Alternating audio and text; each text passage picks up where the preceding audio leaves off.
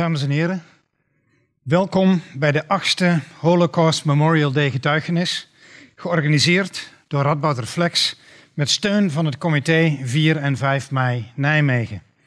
En in het bijzonder heet ik welkom onze speciale gast van vanavond, professor Stefan Skotnitsky, zijn partner en familieleden. Afgelopen vrijdag brachten diverse media het bijzondere nieuws dat een overlevende van concentratiekamp Auschwitz op dit moment de oudste man ter wereld is. Hij heet Yisrael Kristal, is 112 jaar oud en is net als onze speciale gast Stefan Skotnitsky afkomstig uit Polen. En vandaag is het exact 71 jaar geleden dat concentratiekamp Auschwitz bevrijd werd door het Sovjetleger. Terwijl de jaren verstrijken, onderstrepen we met de Holocaust Memorial Day getuigenis het belang om de ook voor vandaag relevante herinnering aan de Tweede Wereldoorlog scherp op het netvlies te blijven houden. Jaarlijks werpt een persoonlijke getuigenis een indringend licht op de wreedheden van oorlog en het besef dat vrijheid geen vanzelfsprekendheid is. En er is ook muziek. Twee jaar geleden zong hier voor u professor biochemie Hans Bloemendaal synagogale zang. In het afgelopen jaar is hij op 92-jarige leeftijd, op 7 oktober 2015 om precies te zijn, overleden. Voor u linksonder um, is een beeltenis van, uh, van Hans Bloemendaal afgebeeld, linksonder vooraan. En uh, dat is vervaardigd door de kunstenaar Jean Le Jacques. Bij aanvang van deze bijeenkomst hoorde u de eerste nocturne van Chopin, uitgevoerd door pianist Charles van Doornewaard. Het is de keuze van, van Stefan Skotnitsky, de spreker van vandaag. Hij koos voor Chopin omdat de muziek van deze Poolse componist jeugdherinneringen in hem wakker roept. De getuigenis die we straks gaan horen is om twee redenen bijzonder. Allereerst omdat nooit eerder in de historie van deze bijeenkomsten een emeritus hoogleraar van deze universiteit, Radboud UMC, een getuigenis aflegde. Stefan Skotnitsky begon zijn loopbaan als arts in het Poolse Łódź. Na een kort verblijf in Rome werd hij artsassistent en vervolgens chef de kliniek, lector en hoogleraar op de afdeling hart- en vaatchirurgie van het Radboud UMC. Hij ontving diverse onderscheidingen, waaronder het Gouden Kruis van Verdiensten van de Republiek van Polen en erepenningen van de Medische Academie in Łódź. En ten tweede is deze getuigenis bijzonder omdat het deze keer geen getuigenis is met herinneringen aan een concentratiekamp, maar het verhaal van een kind op de vlucht. Een getuigenis dat daardoor refereert aan de actuele vraag hoe het is om vluchteling te zijn. Stefan Skotnitsky ontvluchtte als vierjarige jongen de Poolse stad Łódź, zoals vandaag de dag vele kinderen met hun ouders gevlucht zijn uit Syrië, Afghanistan of Eritrea. In de noodopvanglocatie Heumensoort, op loopafstand hier vandaan, vinden 3000 vluchtelingen op dit moment tijdelijk onderdak. Wael al-Shaq is één van hen en hij deed op 4 januari op deze plek tijdens de nieuwjaarsrede, hier in deze aula, op indrukwekkende wijze zijn verhaal tijdens, zoals gezegd, de nieuwjaarsbijeenkomst van de universiteit. En een filmpje daarvan, voor diegenen die het mochten nakijken, is te zien op de website van de universiteit. Stefan Skotnitsky zal straks geïnterviewd worden door Ria van der Brand, senior onderzoeker Holocaust Studies aan de Radboud Universiteit en geassocieerd onderzoeker bij herinneringscentrum Kamp Westerbork. Maar eerst krijgt u tien minuten een historische inleiding op de situatie van Polen in de Tweede Wereldoorlog door niemand minder dan de geschiedenisleraar van het jaar 2015 en alumnus van deze universiteit. Dames en heren, met genoegen geef ik eerst het woord aan Martijn Vermeulen. Martijn.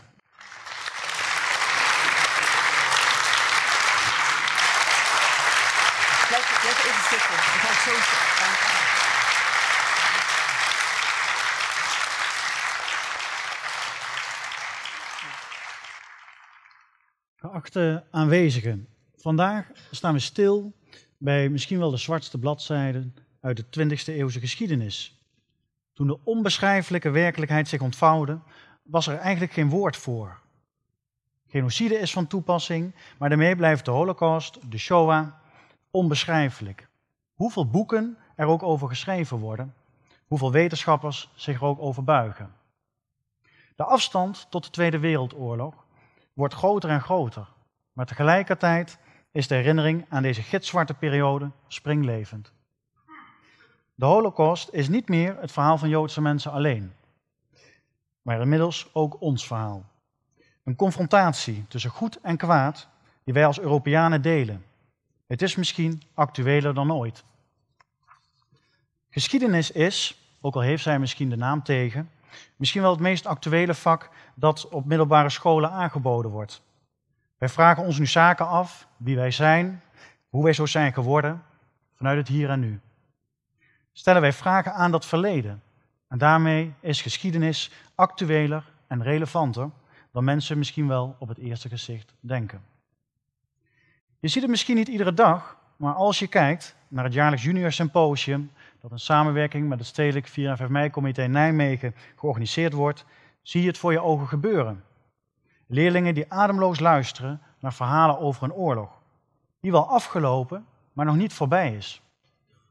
Vanavond horen wij ook een verhaal, de getuigenis van Stefan Skotnicki. Het heeft op de kinderen diepe indruk gemaakt. En ook ons zal zijn leven niet onberoerd laten. Ik bied u een dwarsdoorsnede aan van de Poolse oorlogsgeschiedenis. Daarna kleurt Stefan Skotnicki mijn verhaal in als hij door holocaustonderzoeker Ria van der Brand geïnterviewd wordt. Toen de gezworen aardsvijanden, Nazi-Duitsland en de Sovjet-Unie in 1939 een niet-aanvalsverdrag sloten en in Polen in het geheim onderling verdeelden, was het lot van het land bezegeld. In de vroege ochtend van 1 september 1939 wierpen Duitse vliegtuigen de eerste bommen af. Vanuit het noorden, westen en zuiden trok het Duitse leger op. Hitler zette in op de vernietiging van Polen als functionerende samenleving. De zogenaamde Einsatzgroepen onder leiding van Heydrich waren tijdens operatie Tannenberg verantwoordelijk voor de moord op tienduizenden Poolse burgers. Hoewel Frankrijk en Groot-Brittannië de oorlog verklaarden aan Duitsland, bleef daadwerkelijke en noemenswaardige militaire steun uit. Vanaf 17 september mengde de Sovjet-Unie zich in de strijd. Na een aantal weken kwam een einde aan de gevechten. De Molotov-Ribbentrop-linie sneed het land in tweeën. Centraal en West-Polen werd door het Duitse Rijk ingelijfd. Rond Warschau werd een protectoraat gevormd, onder de naam Generaalgouvernement. En de blik even op dit kaartje. En het generaalgouvernement is hier in het lichtgroen aangegeven en omcirkeld. 2 miljoen Joodse mensen waren vanaf dat moment overgeleverd aan de nazi's.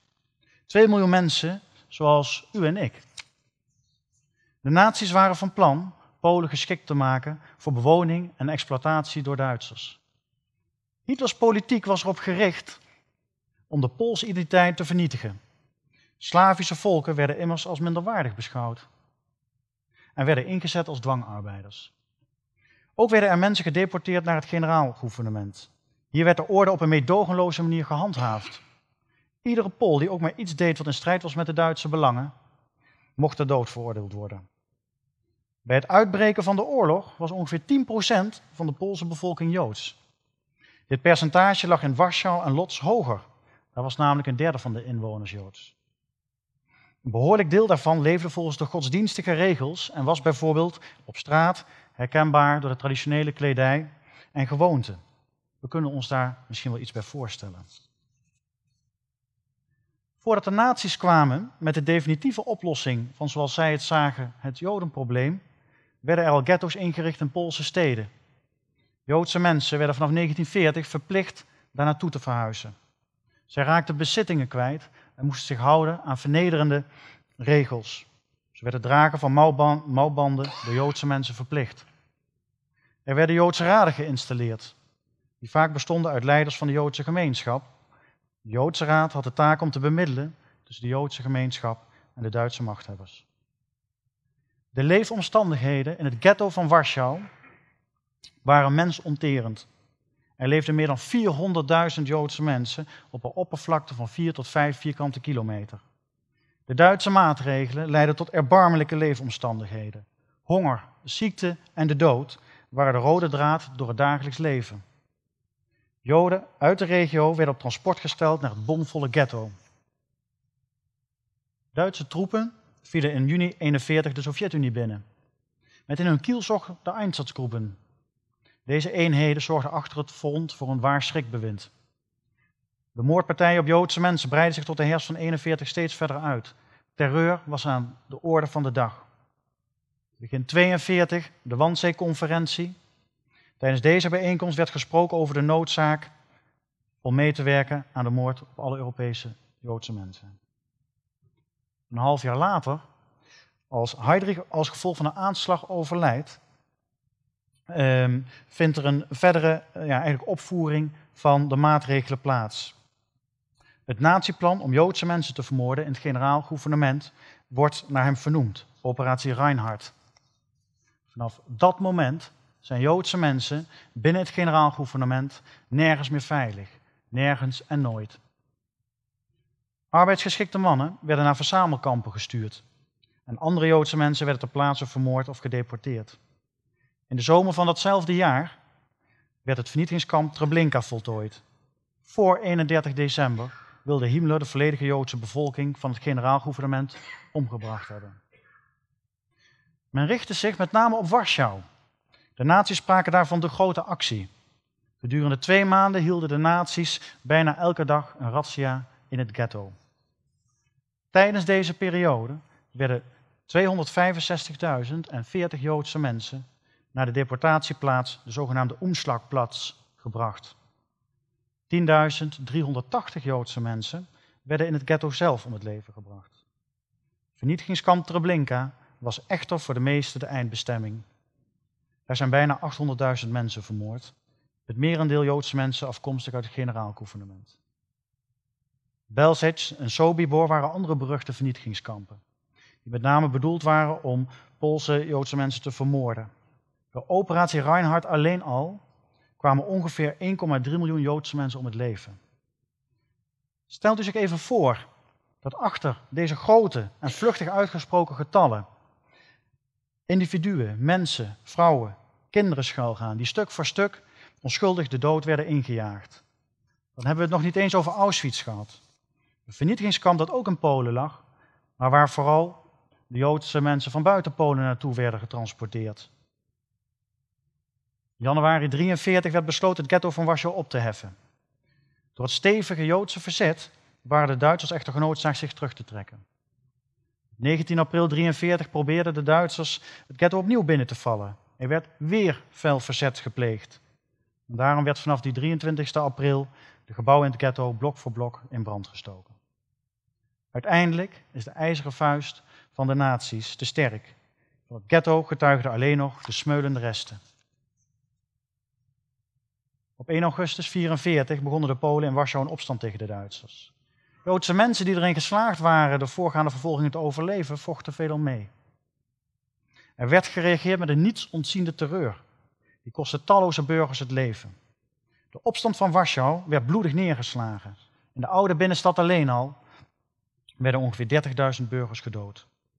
In oktober werd de opdracht gegeven Warschau verder te verwoesten. Meer dan 90% van de Joodse inwoners van Warschau kwam om. Meer dan 90%.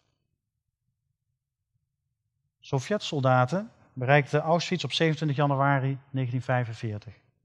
Enkele duizenden overlevenden werden bevrijd. Auschwitz is het symbool geworden voor de Holocaust. Daar werden ongeveer 1,3 miljoen mensen op een afschuwelijke wijze vermoord. Auschwitz is echter slechts één van de vernietigingskampen in Polen geweest, zoals ik al eerder aangaf. Het leven in Polen was voor Joodse mensen tijdens de oorlogsjaren onvoorstelbaar en onvoorspelbaar. Naast de liefde van enkelen maakte soms het verschil tussen leven en dood. Of, zoals een van de leerlingen na de getuigenis van Stefan Skolniki tijdens het junior symposium het zei, een wonder dat één persoon zoveel wil en kan betekenen voor een ander. Verwondering en verbijstering gaan hand in hand. We gaan nu luisteren naar Stefan Skotnicki en maken ons zijn verhaal eigen. Ik dank u voor uw aandacht en geef nu graag het woord aan Ria van der Brand, die het gesprek verder zal overnemen. En Stefan Skotnicki.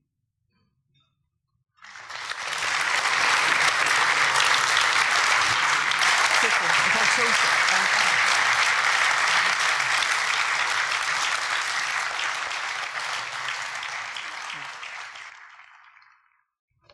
Daar zitten we dan. Onwennig. Onwennig. Uh, meneer Skotnitsky, beste Stefan. Het is fantastisch dat je nu hier zit. Voor ons allemaal. Ik wil even speciaal een paar woorden richten aan de zaal. Meneer Skotnitsky zit hier nou wel, maar het is niet zo vanzelfsprekend. Wij hebben zelf meneer Skotnitsky benaderd, omdat we hem kenden en we dachten van, dat is iets voor vandaag. Maar meneer Skotnitsky was zelf heel terughoudend. Ja, is het wel, heb ik wel. Het is dus door onze schuld dat je hier nou zit. Ik mag jij tegen meneer Skotnitsky zeggen, Stefan, dus dat uh, doe ik dan ook. En um, even kijken, hier is de. Ik heb nog een paar plaatjes voordat we het interview beginnen. Want eigenlijk gaan we van een groot verhaal naar een klein verhaal. En Martijn, Martijn, dankjewel voor jouw verhaal. Martijn heeft eigenlijk het hele grote verhaal verteld. Met een hele grote kaart. Wel een beetje breed beeld vandaag. Een kind op de vlucht. En dit is, een, dit is Polen al twee keer, wat kleiner. En als jullie nou goed kijken, links is Polen 1939, voordat de nazi's uh, binnenrukten en voordat de Russen van het oosten kwamen. En als je dan op de rechterkant kijkt, dan zie je eigenlijk een soort driedeling. En het generaal gouvernement, waar Martijn, Martijn het over had, ligt in het midden. En links is dan behoort, is het stuk van Polen wat tot het Dritte Reich behoort. En rechts is het stuk wat ingelijfd was door de Russen. En dan zie je ook nog een paar rode puntjes. En dan zie je, even kijken, andere kant. Oh.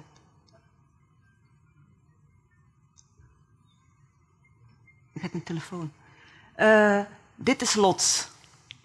En Lots, Woetsch, zoals uh, meneer de voorzitter zojuist zei, uh, dat zien we dadelijk nog van dichterbij, maar dat is het vertrekpunt, het vertrekpunt van het verhaal van Stefan Skotnitsky. En als je dus op die punten concentreert, dan is, ja, dit ziet er ook nou heel raar uit, maar de swoosh zie je dan aan de westkant. En dan zie je eigenlijk hier in het klein de vlucht, de tocht van Stefan Skotnitsky met de belangrijkste plaatsen. Want het is een verhaal waar heel veel plaatsen zijn aangedaan. En hier zie je Łódź, Lodz, Sandomierz, Kielce, Otwok, Warschau. En dan zijn er nog wat meer plaatsen, maar die komen allemaal voor in het verhaal. En dit is Łódź in de jaren dertig. Stefan, ik heb speciaal dit plaatje gekozen omdat je zei van het is zo'n lelijke industriestad. Ik ben in een lelijke industriestad geboren. En uh, ik dacht, ja, ik vond het wel een mooi plaatje, maar dit is wel een industriestad. En hier begint het verhaal. Dit zijn jouw ouders. Vertel daar eens iets over. Ja, jammer, dat is een beetje opgerekt, die foto. Ja, ja. En dat is, ik, ik nauwelijks herken ik hier dat, uh, mijn ouders en mij ook. Ja. Ja, nou ja, plaats mijn geboorte vanzelfsprekend heb ik niet gekozen. En uh, we waren een kleine familie. Mijn vader was een uh, ingenieur. Die heeft, en dat, is mede-eigenaar van een klein chemische bedrijf. Dat functioneerde op de schaal van zeg maar, tien mensen die hebben daar gewerkt, dus een kleine schaal. Moeder afhankelijk had een het, baan in het in kantoor, maar daarna toen ben ik geboren, dacht ik, heeft gestopt met werken. Tenminste, dat weet ik. Niet zo precies wanneer is gestopt. Maar eh, dat, waren, dat was onze familie. Ja. Maar jullie waren niet, je bent geboren op 11 april 1935, hè? Maar jullie waren niet met z'n drieën, jullie waren eigenlijk met z'n vieren, hè? Ja. Hoe zit Dat was, dat zeer bekende, een zeer belangrijke persoon. Eh, ja, we zullen meteen met een naam vallen, Sophie. Of in Pools Zofia, maar zullen we gaan Sophie noemen, dat is waarschijnlijk gemakkelijk onthouden. Eh, die persoon, die mevrouw, heeft een, een essentiële rol gespeeld in mijn hele vlucht. En eigenlijk zonder haar zou ik hier niet zitten. Mhm. En dat ben ik eh, goed bewust. Ja. Zij is voor mij een engel geweest die, die, die, die, die ongelooflijk een rol gespeeld. Trouwens, nou ja, we moeten eerst zeggen wie is dat geweest. Eh, dat is in het, eh, als jonge meisje, zij is gekomen in het huis van mijn het, eh, moeder. Ongeveer dezelfde leeftijd als mijn moeder. En zijn opgegroeid als twee vriendinnen praktisch. Eh, mijn vader voor haar is altijd de manier geweest. En zoals in het, eh, voor het nageboorte van, van Christus wordt een tijd gedeeld voor haar ook. Dat was tijd voor de meneer bij ons kwam en na de meneer bij ons kwam. Dat waren twee verschillende perioden. Dus betekent voor mijn moeder is getrouwd en na die periode. Eh, zij is direct na mijn geboorte eigenlijk en het eh, meegedaan. Het, eh, dus met me opgevoed en het, eh, verzorgd. En zo waren we met ons vier eigenlijk. ja. Maar eh, ben je Joods opgevoed? Eh, hoe Mijn, vader, mijn ouders waren Joods. Mijn moeder kwam van de eh, orthodoxe familie. Mijn vader was een, zeer betrokken in de, in de sionistische beweging. Maar een, eh, niet echt eh, orthodox. Ik denk dat, zullen we dat nu zullen we dat noemen liberaal. Mhm. Eh, hij is als een jonge jongen in 1920 in het, eh, eh, in de met sionistische beweging naar Palestina geweest, zo om de Aliyah. En daar heeft gewerkt. Maar een eh, duidelijke bindingen met Jodendom nog voor de oorlog iets gehad, vier jaar dus. Ja. Ik weet niet. En Sophie was katholiek. Ja, Sophie was een, het, zeer katholiek en Ja. het, devoot katholiek zou ik zeggen. Ja. En eh, maar in die periode, wacht even, daar loop ik een beetje vooruit. Dus laat me, Zal laat me zo staan, omdat ik ben geneigd om dat je te veel zeggen. Eh, ja, dat is een mooie foto van Zakopane. Zakopane, dat is een eh, plaats in het zuiden van Polen, in de bergen. En dat is nog een, fantastische tijd voor de oorlog. Ik denk dat 1938 Ja. of misschien zomer 1930. Ja. Die ben ik daar aan, het, eh, aan de Poolse Tatras. Ja. Ja, maar dat die foto's allemaal zijn misvormd. Ja, dat, eh, dat is heel jammer, ja. Ja, die zijn allemaal Ja, in breedte. daar is niks aan te doen. Maar ik denk ik. herken mij. Ja, het is wel herkenbaar nog. Ja. Dus dit is eigenlijk nog een goede tijd. Dat is, eh, Ja, dat is een zonnige tijd. Je ziet Ja. het. Maar dat, dat blijft dan niet zo. Hè? Martijn die vertelde al van 1939. En eigenlijk is het zo dat uh, Łódź, Lodz, waar jullie woonden, eh, waar jullie het best goed hadden, dat dat eigenlijk geannexeerd werd. En dat, eh, dat de stad Nou, is, in handen kwam van de nazi's. ja, nou, het hele Polen is, is betekent westelijke en centrale Polen, is bezet door Duitsers. Maar Duitsers hebben een duidelijk verschil gemaakt. Dus in het westen van Polen, zogenoemde Wartegau, land van, het, eh, van de Wart, Warta, de rivier, hebben ingelijfd in, de, in het Duitse Rijk. En van de rest van Polen hebben ze het eh, Ja, eh, generaal-gouvernement gemaakt voor vernedering. Hofstad niet in Warschau, maar in Krakau. Zodat Warschau was een, het, tot de derde graad stad ja. genomen, genoemd, gebracht. Eh, Maar hoe reageerden jullie erop toen? eh, nou ja, dat was vrij snel, omdat de, de Lodz is, Łódź is een deel van de Rijk geworden. Die anti-Jodse wetten zijn vrij snel ingevoerd. Ja, Ik weet dat, dat eh, die dragen van de gele Davidstar was vrij snel. Waarom weet ik zo? Omdat ik kan mij, tenminste van verhalen, ik weet het niet of dat is niet duidelijk voor mij, of is dat mijn eigen waarneming, of dat zijn verhalen die heb ik gehoord van, van Sophie. Dat als zij mij, ik moest als vierjarige ook die staart dragen, hier aan de rechterkant. En als we gingen in de park, dat zij probeerde draperen en het uh, sjaal zodanig dat die, die staart was uh, bedekt met sjaal, Ja. niet zichtbaar. Eh, dus die verhaal, dat weet ik niet of heb ik zelf nog onthouden of door haar om dat, dat, zijn, de- dat zich in het mengt. Dus vrij snel zijn die strenge anti-Jodse wetten. Eh, ghetto is, is in die volgende jaar, 1940, al Mhm. ingericht, dus vrij snel. Maar jullie bleven niet in Lots. Nee, dus eh, door die snelle invoering van anti-Jodse wetten, en mijn vader heeft gedacht dat eh, die eh, anti-Jodse eh, eh, anti-Jodse eh, Duitse regelingen zullen in het generaal gouvernement wat milder zijn, of later, Ja. met vertraging. Ja. En, en daarom, eh, samen met een andere nog familie, met zeven mensen hebben gevlucht. Nou, dat is de eerste vlucht geweest. Hoe was die vlucht? Dat kan ik me herinneren. Dat was in het, eh, ik, ik weet dat we waren in de, in de, in de vrachtwagen onder stro. Het was nacht. Dus nacht omdat door die, überhaupt nacht en donker omdat we waren daar in het, eh, verstopt. En eh, zo zijn we door de grens. Dat was niet echt de grens, omdat we geen ander land, maar het was wel controle tussen de Rijk en het generaal gouvernement. En zijn we dit gevlucht. Dat is Ja. niet zo ver afstand, dat is een afstand van 200, 300 kilometer naar Sandomiers. Waarom naar Sandomiers? Omdat daar woonde familie van mijn moeder. Ja. En hoe was het daar? Dus daar kwam je aan.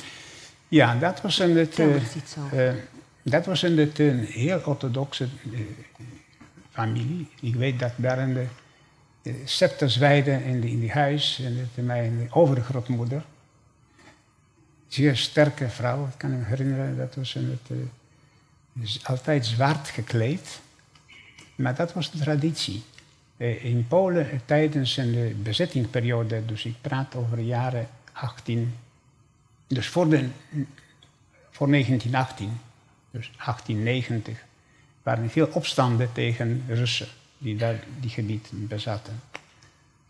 Als je ziet, het verhaal van Polen is steeds al bezetting of van rechts of van links. Ja. En eh, dat was in het, door de Russen hier bloedig eh, eh, gestopt.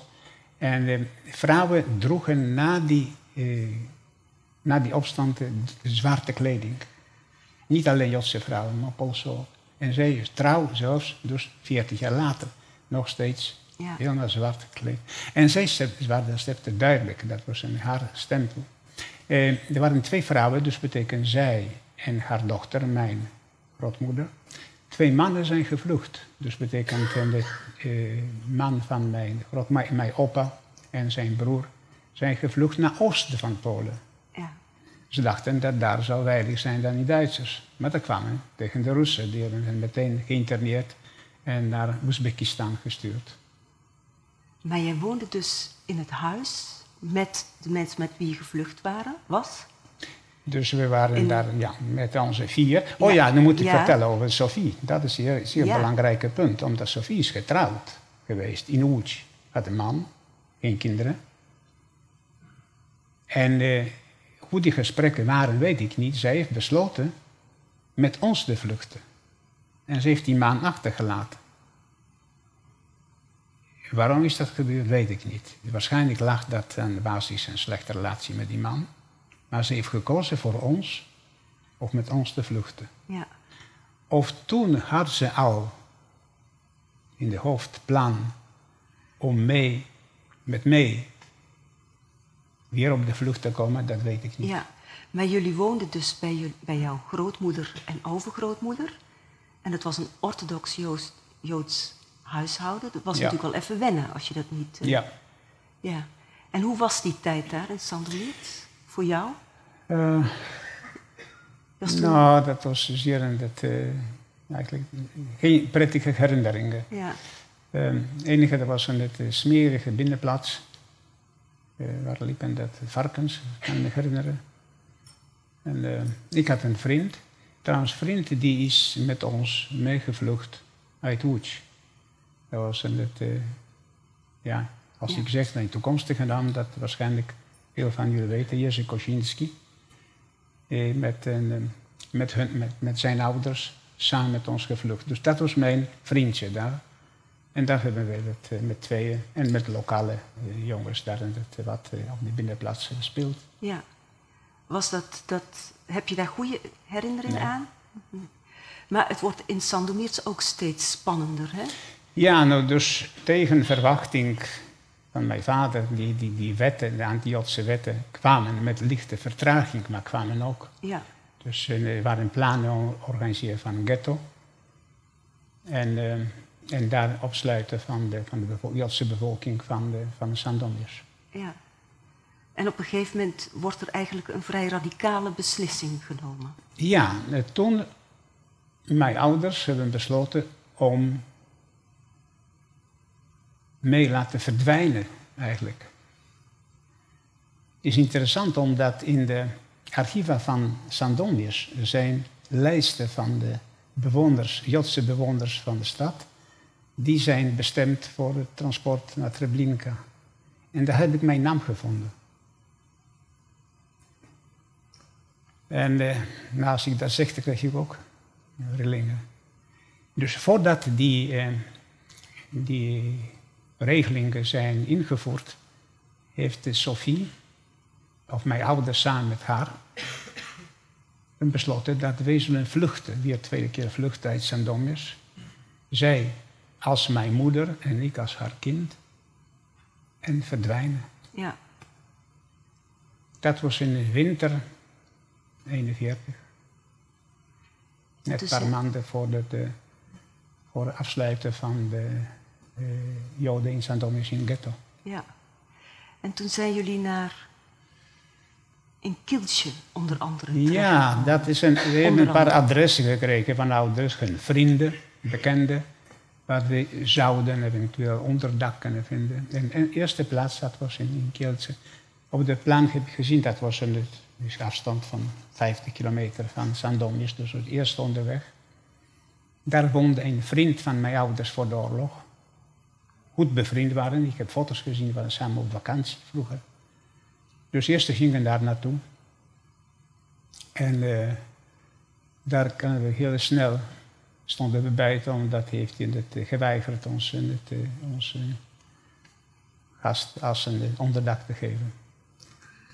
Maar die Kielce is mij in het, eh, zeer sterk in herinnering gebleven. Niet alleen vanwege die weigering van die vriend, maar vanwege die straatbeelden die daar heb ik gezien. En dat was de eerste keer, dat heb ik aan eh, gemerkt, dat ik, dat is geen, eh, geen spelletje. Die waren razzia's daar en Duitsers waren bezig met het eh, exmissie van de, van de joden van, de, van hun, ja, zulke huisjes. Ja. En dat ging met, een, het, eh, met een geweld, met een schotten, met, eh, met honden, met eh, beeld wat ik kan het alleen als een herinneren als een als hel voor mij was dat plotseling van de beschermende thuissituatie plotseling in vreemde wereld. En toen heeft Sophie jou ook een aantal dingen geleerd hoe je moest overleven. Ja, toen, heb ik, lessen? toen heb ik een, eh, begrepen dat eh, ik moet die, die, die rol van haar zoon eh, goed spelen. Anders eh, dat, eh, sta ik aan de andere kant van de straat. En ze heeft mij inderdaad... eh, ja, ze heeft... eh, hoe hebben ze precies welke woorden heeft niet gezegd, maar kwam op neer dat ik moet eigenlijk onzichtbaar zijn. Geen contact met, een, met, een- met niemand, met andere mensen. Niet alleen contact eh, verbaal, maar zelfs aan niemand kijken, omdat als je kijkt naar iemand in de ogen, dat die man kijkt naar jou toe. Ja. En dat kan betekenen, betekenen verraad. Dus eigenlijk liefst onzichtbaar zijn. niet bestaan. Ja. En voor mij is nog steeds in het, uh, nu van perspectieven van die 60 jaar. Ik was toen uh, zes jaar. Ten eerste haar ja, bewondering voor haar moed. Dat zij zoiets heeft gedaan, omdat we waren helemaal verschillend. Ik was een donkerharig jongen, zij blonde vrouw. En ik moest, zonder enige documenten, we kunnen bewijzen. En we moesten spelen, moeder en zoon. Zoon en moeder. En ten tweede, consequenties waar zullen voor haar zijn als dat zou ontdekt worden. Dat ik ben niet haar zoon, maar ben ik Jodse kind. In tegenstelling tot in Nederland, en die wetten waren in Polen zeer streng. Dus dat is niet zo dat iemand is naar de kamp gestuurd of naar, de, eh, naar, de, naar ergens een andere straf, maar dat was meteen voor beide dood. Meestal ter plaatse. Heb je, heb je nog aan Kieltje heel levendige herinneringen? Sorry? Heb je aan Kieltje nog heel levendige herinneringen? Ja, omdat was de eerste keer wat heb ik gezien in mijn ogen waarover gaat. Ja. Als je niet goed in die, in die rol bent. En heb je je ooit bedreigd gevoeld in Kieltje? Eh, in die moment, ja, ik kan me herinneren, dat heb ik het, uh, onder haar jas ben ik gekropen. Ja. En die verborgenheid zocht ik. Ik zocht eigenlijk die geborgenheid en die familie, die gaat er tevoren. En die plotseling kunnen. Zo dichtbij was echt gevaar. Ja. Ja. En later zijn jullie Kieltje ontvlucht. En toen zijn jullie naar de familie van Sofie Ja, nou ja, we waren dat, uh, ja, als een, die Duitsers waren bezig met een, met een Reinhardt-operatie. en dat waren met de Polen voorlopig niet bezig. Dus we hebben op andere adres gekomen. Ik weet niet precies of direct, dat weet ik niet. Maar in ieder geval, in die, zijn we niet gebleven. Zijn we eh, gegaan. Zij zocht weer in het ergens onderdak bij, een, bij bekenden. En zij is, zijn we gekomen op adres van haar familie. Dat waren boeren in de omgeving van Warschau. En eh, dat was een, het, een, klein huis met een, met een trap zoals in het, in boerenhuis is, van binnen naar boven en naar de zolder. De zolder was het, uh, praktisch alleen het oude meubels stonden, was niet bewoonbaar. Maar die vloer was het, niet vast. Dus je kan dat bijna zien en horen wat gebeurde beneden. Dus, dus we zijn daar een, naar boven gebracht. Maar s'avonds hoor ik gesprek beneden tussen, de, tussen die, die, haar familie en haar. Die haar proberen te eh, overtuigen wat voor stommiteit zij doet. Dat zij brengt gevaar niet alleen voor haar en voor mij, maar ook voor hen. En dat is een dom wat ze doet. Ze moet dat, en uh, waarschijnlijk ze begrijpt het niet, hoe ernstig is dat. Dat ze moesten zo snel mogelijk mee aangeven aan de, aan de gendarmerie, aan de Duitsers. Wat ze heeft precies gezegd, dat weet ik niet. Maar het, uh, zij kwam naar boven. Maar ik weet het nog, direct in de, in de midden van de nacht zijn we gevlucht. Oh ja, ze hebben nog iets gezegd. Dat als een, het, uh, als een, uh, als die, die, die, die aangeving goed verlopen, dan kan ze nog misschien geld krijgen voor, voor, voor alcohol, voor vodka of zoiets in deze zin. Tenminste, worden ze beloond. Weet je of je toen ooit een moment gedacht hebt van Sophie gaat me aangeven? Nee. Dus je had een. Oh, ik had volste vertrouwen. Ja. Ik noemde haar moeder echt. Ja.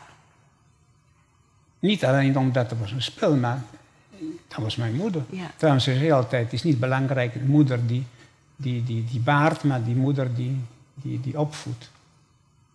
Oh ja, zei Dat was voor mij absoluut. En ze had jou ook het Onze Vader geleerd? Ja, ja, ze heeft mij dat... Uh, ja, dat was een gedeelte omdat... Het eerste wat de Duitsers en, en Polen, trouwens Poolse politie ook deden om te kijken of iemand is Joods, om de laten onze vader te eh, zeggen. En eh, dat ik wist dat, maar waarschijnlijk heeft ze dat gedaan niet alleen om mee te redden, maar zij geloofde in. Al eerder, Ja. tijdens de opvoeding, want ze heeft je... Ja, zij, zij gaf mij alles beste wat zij gaf. En dat is haar religie. ja. ja. En ondertussen, dat was iets wat, wat, wat was redding voor ons. Ja. Nou zien we daar een eh, foto van jou. Wel twee keer zo breed dan normaal. In Ja. het eh, bos, in het besneeuwde bos.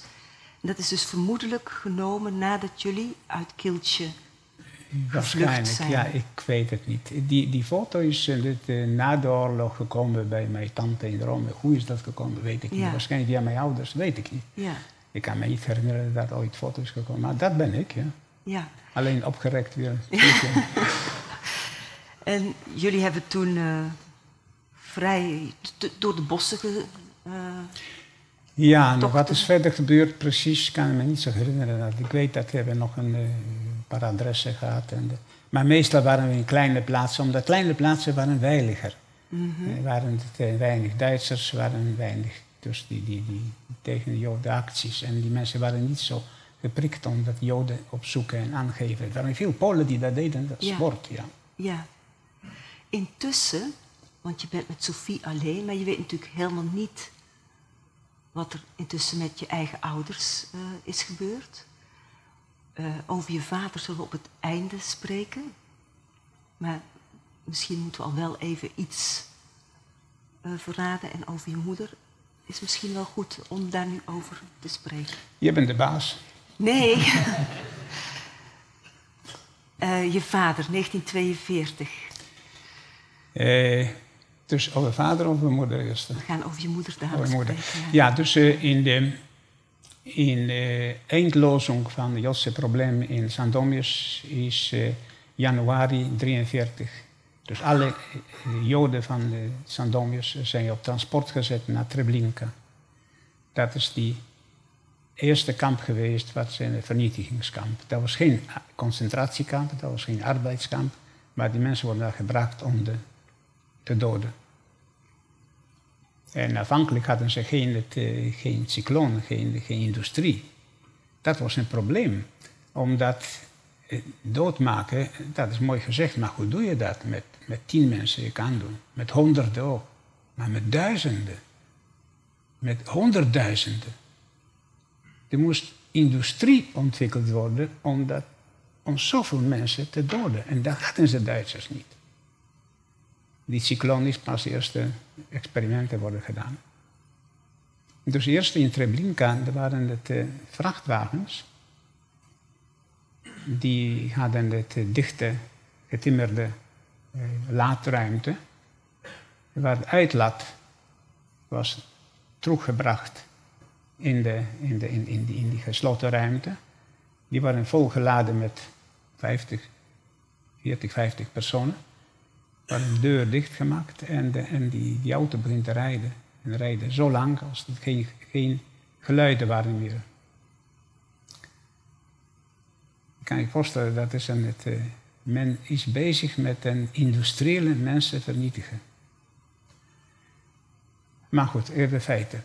Eh, dus in de 43, 23 januari 43 is, eh, is, eh, is eindlozing van de eh, Joden in Sandomius. Dat weet ik van verhalen van mijn moeder, die ook een van, de, van, die, van die personen is geweest die toen is gearresteerd. Mijn vader is al eerder gearresteerd, maar dat, eh, dat komt straks misschien. En eh, ze zijn op transport gezet door het, veeva- in de veewagens, waren gepropt met een 70, 80 personen dicht bij elkaar. En ze hebben gezegd, blijf maar rustig, jullie gaan naar de werkkampen in Duitsland.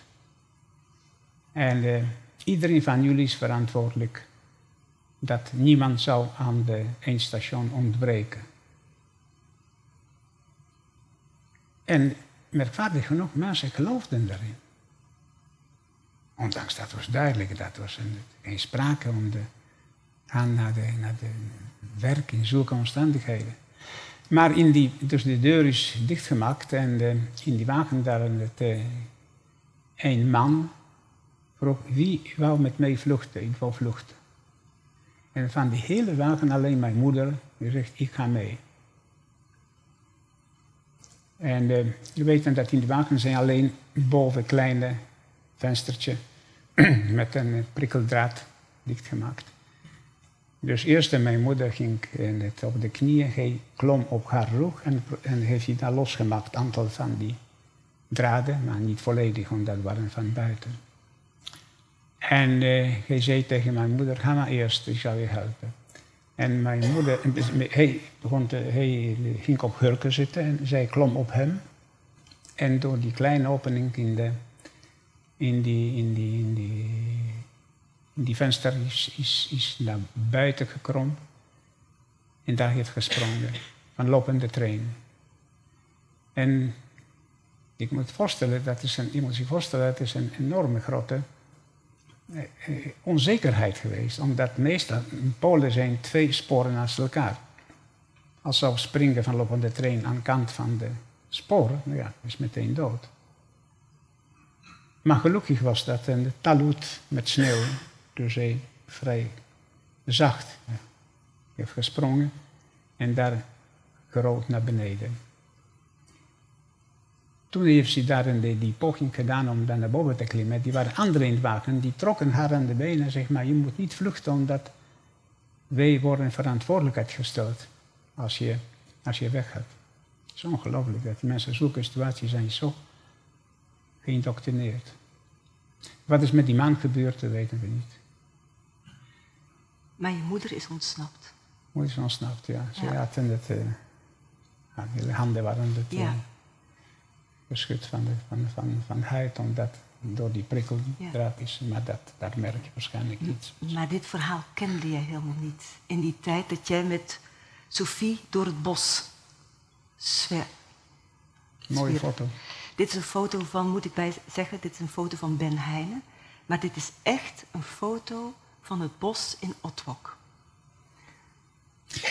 Ja, Otwotsk is het, uh, plaats geweest en de, is nog steeds uh, vlakbij Warschau typische het, uh, verblijfplaats met de rijke bosomgeving waar die mensen in de zomer van de grote stad gingen om daar door te brengen het, een paar weken of maanden het zomer als niet naar ergens afgelegen plaatsen plaats gingen. Toen was het idee dat een bosomgeving is goed voor longziekte, tuberculose, waren sanatoria, maar meestal kleine huisjes. Ja. En uh, in die winter van de 43, vier van die huisjes waren leeg, omdat ja. was een, niemand gaat daar in de winter. En een van zulke huisjes heeft Sophie voor ons in het, uh, gehuurd. Ja. En daar hebben we gewoond. Daar woonden jullie met, met jullie dus twee? Dus moeder is gesprongen van die, van, die, van die trein en is naar de eerste getroffen daar huis gekomen. Er waren boeren die hebben haar kleding gegeven, eten. En ze zegt volgende ochtend moet je snel weggaan. Via, via, via die adressen van, die hebben ook daar gelopen in tijdens onze vlucht, onder andere in Warschau. Zij wist dat we zijn ergens in Otvotsk. Maar waar precies niet. Zou ik niet vertellen, die verhaal? Die Zeker. wonderverhaal? Dat is het wonder, hè? Dus jij zat met Sophie in Otwok? Ik zat met uh, Sophie in Otwok en het was een klein huisje zonder verwarming en uh, zonder badkamer. En ik, uh, ik zat in, ik weet dat was een avond. En met een speertijd, met een avondklok. Dus dat is een, na donker, dus winters is donker om vier uur, vijf uur. Na acht uur mocht je niet op straat lopen. En ik zat daar in de wasstobbe. En plotseling hoor ik iemand roepen, Stefan. Eerst dacht ik, dat, dat kan niet. Eh, in een onbekende plaats hier plotseling iemand Stefan En ik zeg tegen Sophie, luister mama, iemand roept mij. Ah, laat maar. Maar ik hoor heel duidelijk. En inderdaad, zij maakt de deur open. En door die, die, die warm water waarschijnlijk kwam die condens condenslucht naar binnen of naar buiten. En kwam een soort of een wolk. En in die wolk kwam mijn moeder naar binnen. Dat was echt een wonder. Zij wist dat we zijn in Otvotsk. En het enige wat zij kon, lopen door de straat en mijn naam roepen. En zo heeft ons gevonden. Nou, nog steeds als ik dat vertel, dan uh, voel ik wat. En toen had ik weer twee moeders. En toen veranderde je leven toch wel behoorlijk, want jouw Ja, moeder, jouw eerste moeder, was wel iemand van. eh, ja die Sophie is helemaal geconcentreerd aan mij. Ja. Ze had met niemand contact. eh. Ze had eh, ze, ze, ze- met haar familie helemaal gebroken. En het, we waren 24 per uur samen. En we leefden van geld die hebben we van de ouders gekregen. Zij werkte niet. En toen mijn moeder kwam, eh, zij heeft contact gezocht met ondergrondse, ze heeft de valse papier gekregen, ze begon te werken. En in, in Warschau in die tijd was een hele sterke ondergrondse beweging. Dus ze, ze, ze, ze, ze helpt met elkaar. En, ehm, maar we hebben niet samen gewoond, omdat dat zou te gevaarlijk zijn. Plotseling dit één vrouw, die lijkt zo op mij en dat is niet mijn moeder. ja, Dus ze heeft een eh, apart gewoond in Warschau en wij afhankelijk daar in Otvotsk. En daarna hebben wij toch plaats gevonden vlakbij, in het, eh, vlakbij in de, bij haar in Warschau. ja. Maar wat deed jouw, eh, jouw echte moeder, zal ik maar zeggen, eh, om te overleven? Want. Oh, ze had- begon te werken in fabriek. Ja. Daar was een fabriek in Warschau. En die, die, die maakte soldatenkleding voor, de- voor de Oostfront van de konijnen. Mhm. Maar er was één grote mm, diefstalpartij, omdat ze liepen van die fabriek, dacht ik elke dag met een tien of twintig van die konijnenvellen aan de lichaam en de, zwarte markt. Dus dat was een het, eh, enorme zwarte markt en, en de ondergrondse steunen dat. Dus zij, zij begon te verdienen, en dat was een jonge vrouw, in Ja. de jaren dertig en zeer, zeer energiek. Ja. Dus dat uh, los in ons leven is veranderd. En een van de dingen die zij toen heeft gedaan, is misschien toch wel relevant voor haar overleving, is dat eh, ze haar naam heeft veranderd. Ja, dat was die valse papieren. Die, je Ja. kon dat kopen op de markt. En het, er was Ja. een eh, handel in de valse papieren. En eh, wat zochten ze? Ze zochten en de parochies die waren gebombardeerd door Duitsers. Dus er geen sporen van de echte eh, eh, documenten. En ze konden op deze manier het, eh, eh, aan naam komen. En zo kwam ik aan naam Skotnitsky. Want hoe heet je oorspronkelijk? Oh, mijn oorspronkelijke naam is mijn vader en naam is uh, Salamanovic. Ja. ja. En uh, ja, het was eenvoudig om te laten zo. ja. Later uh, komt Ja, misschien nog iets anders. Ja. Maar dat, dat springen we naar de oorlog. Maar misschien nog te vroeg. Warschau, daar heb je ook zeer sterke herinneringen aan. Hè? Jij woonde in Warschau in het westelijke deel, in het, niet in het Joodse deel, hè? als ik het goed begrepen heb. Kun je iets vertellen over die periode dat je echt in Warschau woonde? Uh, Verschillende misschien nog iets uh, over die Otvotsk. Dat is een, Ja. het één verhaal die, die mij heel sterk gebleven. En misschien de illustratie is goed van, de, Ja. van het gedrag van een kind. Uh, onze huizen in, Otvotsk, dat was een parterhuisje met een ingang van één kant. één kamer en tweede kamer achter. En dat alles. Geen badkamer, geen... en toilet was. Dus betekent uh, die achterkamer, achterkamertje, had een raam. Die was direct naar de bos, contact met de bos. Aan de rand van de bos, zulke bos. Mm -hmm. Ja. En heb ik met uh, Sophie getraind. Ze heeft mij dat uh, geleerd. Als iemand zou komen aan de voorkant. Ik moest direct aan de achterkant komen bij die raam. En als die zou blijken dat het niet vriend of niet iemand die kan het vertrouwen, ik moest direct vluchten in de bos. Ja.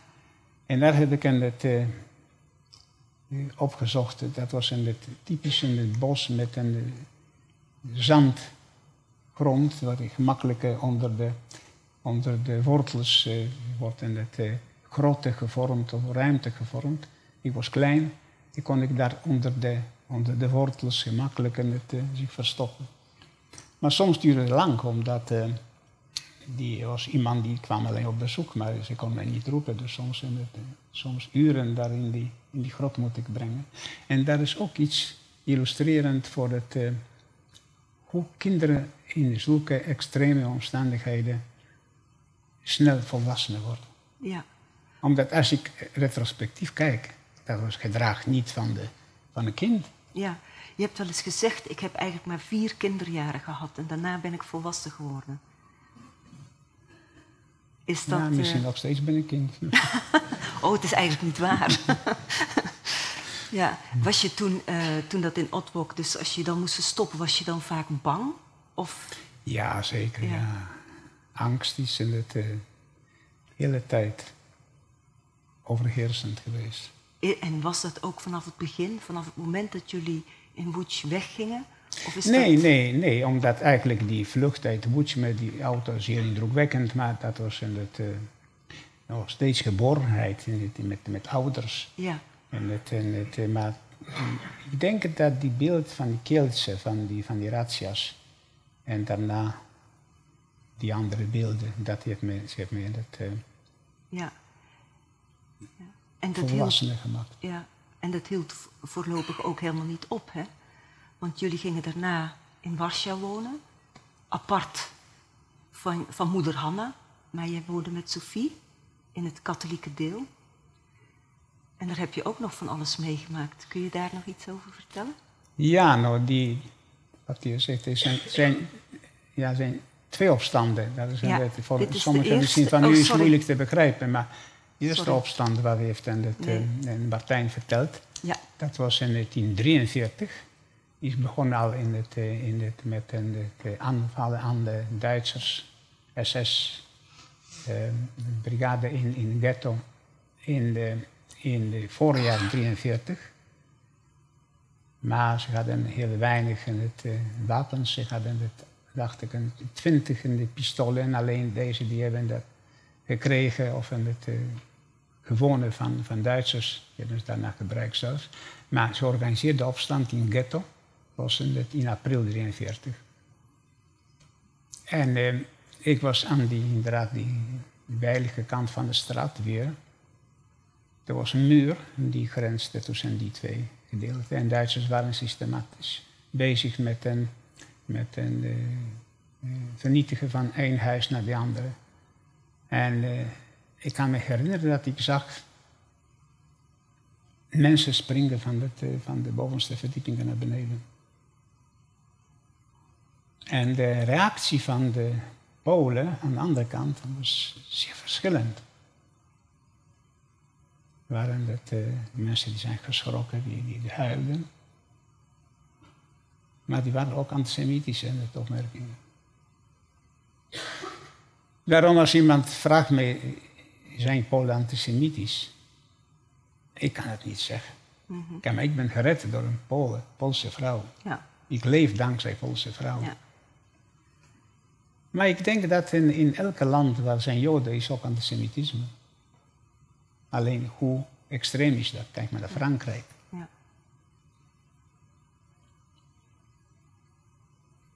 Dus dat maakte je mee? Dat was die opstand van het ghetto? Ja, dat Maar was je- in 43, ja. En je- En dat is volgende, volgende jaar. Ja. Die Polen houden van vechten. Eh, dat was in augustus, eh, 1 augustus 44. De Russen waren net gekomen aan de van oostgrens van Warschau en zijn gestopt. Eh, in die tijd bestond ook een het, eh, Poolse regering in ballingschap in Londen. En dat was traditionele regering anti-Russisch. Dat is politiek, maar ik denk dat is waar wat ik vertel. Dat eh, die regering heeft en het, eh, alles gedaan om de, die laatste moment ingang van de Russen en, en het overheersen hoofdstad van Polen te voorkomen. En willen ze daar zijn voordat die Russen komen. Daarom is er 1 augustus opstand gekomen, gesteund door, door de regering in Londen, tegen Duitsers. Maar eigenlijk was dat ook tegen Russen. Alleen niet daadwerkelijk, alleen zo proactief. Nou, Stalin heeft dat heel goed gezien en zegt, nou ja, dan gaan we wachten. Voordat die Duitsers maken we de, de zwarte werk voor ons. Nou, dat was vreselijk. Dat was een, weer Polen zijn slachtoffers van, het, eh, van grote politiek. En er zijn ontzettend veel jonge mensen die zijn toen uh, gestorven. En dat heb jij allemaal? Ja, dus we waren aan de westkant. Dus ja. moet ik hebben, ja. De Russen komen van het oosten, zijn gestopt net bij de rivier. We waren eh, in die kleine huisje aan de westkant van, de, van Warschau. Eh, en Duitsers proberen juist van die westkant komen. Omdat oostkant komen ze niet, omdat die, om die opstand te onderdrukken.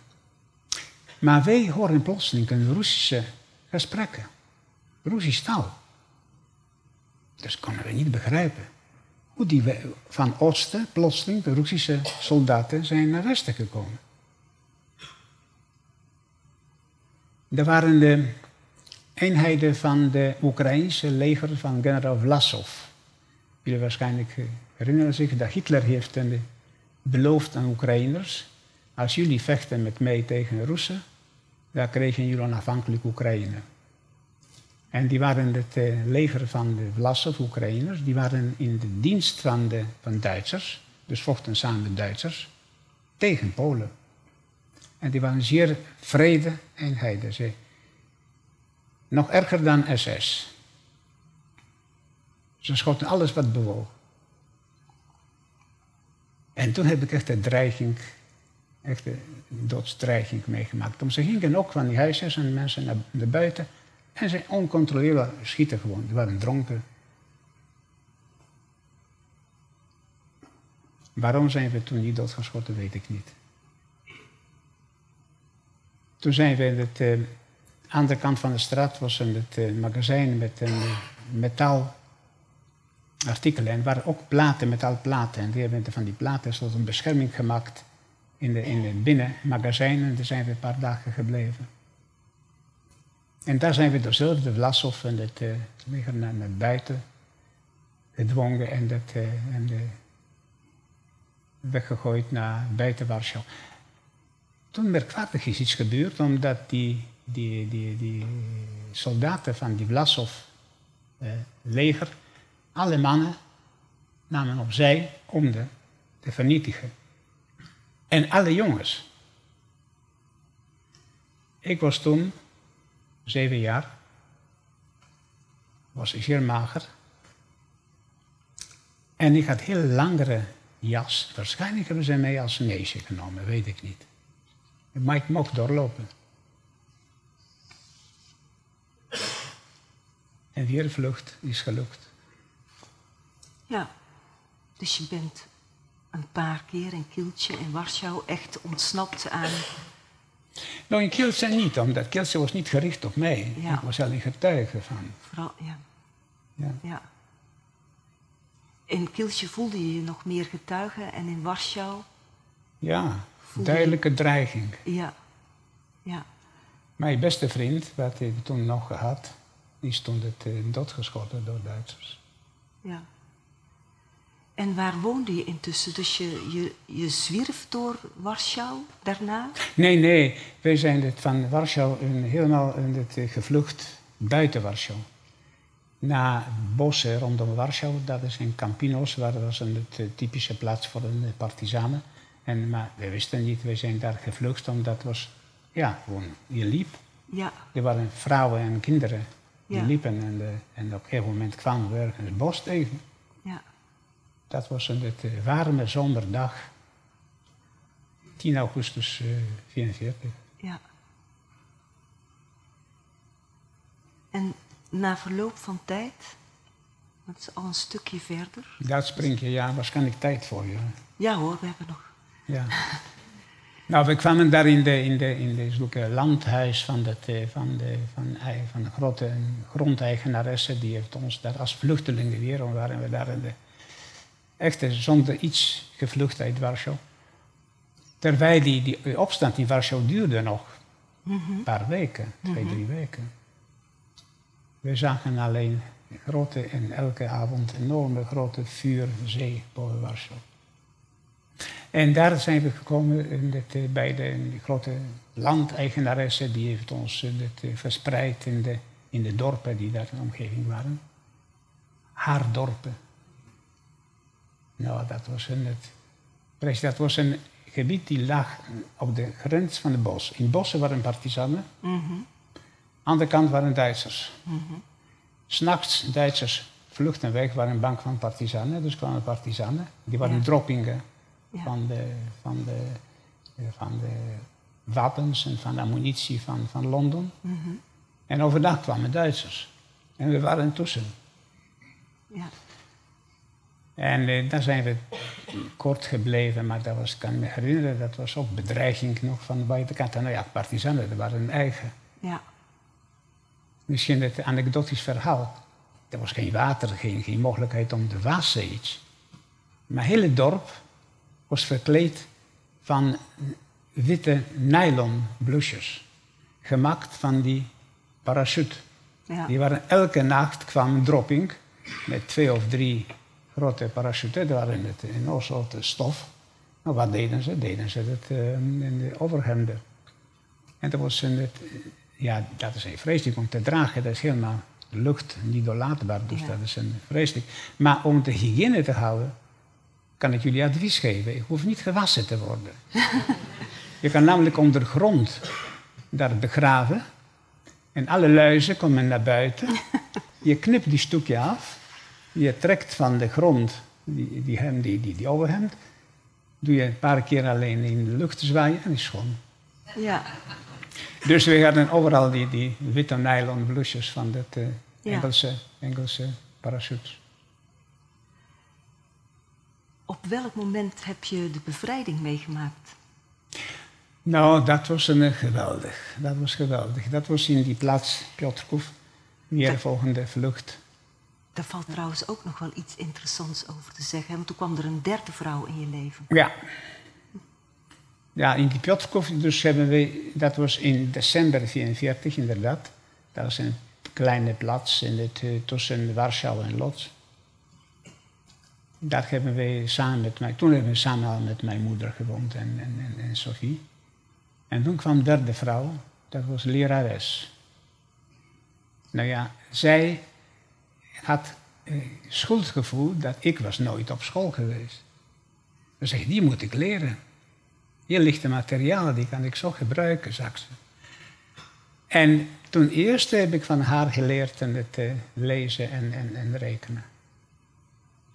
Ik had toen tien, negen jaar. Eh, in, in januari kwamen Russen. Ja. En dat was een, voor mij vracht, prachtig gevoel. Ja. Ten eerste als negenjarige jongen oorlog beleven van dichtbij. Geweldig. Op onze binnenplaats stond Katyusha. Ken je nog wat Katyusha is? Dat is vrachtwagen met een het, eh, lanceringsinstallatie. En kan ze daarna snel verplaatsen en dat, eh, daarom hebben ze het laatste moment van de oorlog gewonnen. En ik kon klommen daar in die, in in die, in die, in die, bij chauffeurplaats bij die Katyusha. Die soldaten waren zo vriendelijk en plotseling iemand in uniform is niet voor mij bedreiging. Maar in tegendeel, dat is een vriend. Ik weet dat toen stond nog een kerstboom bij ons.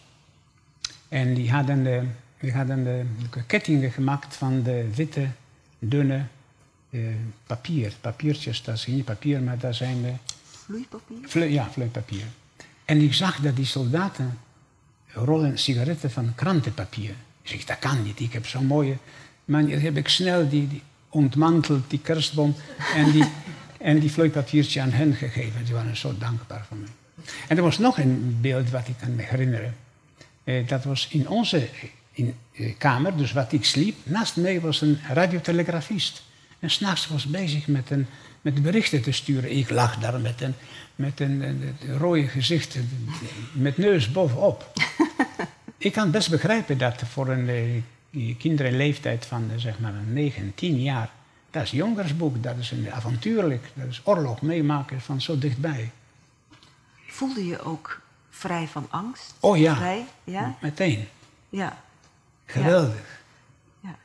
Dus je zat in eh Piot- Piotrko met eh, drie vrouwen en, en de Russen op de binnenplaats. Dus het was eigenlijk wel een goede, goede tijd. Maar je wist natuurlijk niet, jullie wisten toen niet precies wat je verder boven het hoofd hing. Want van je vader had je niks gehoord. Nou, we hadden het via via gehoord dat hij is overleden in Auschwitz.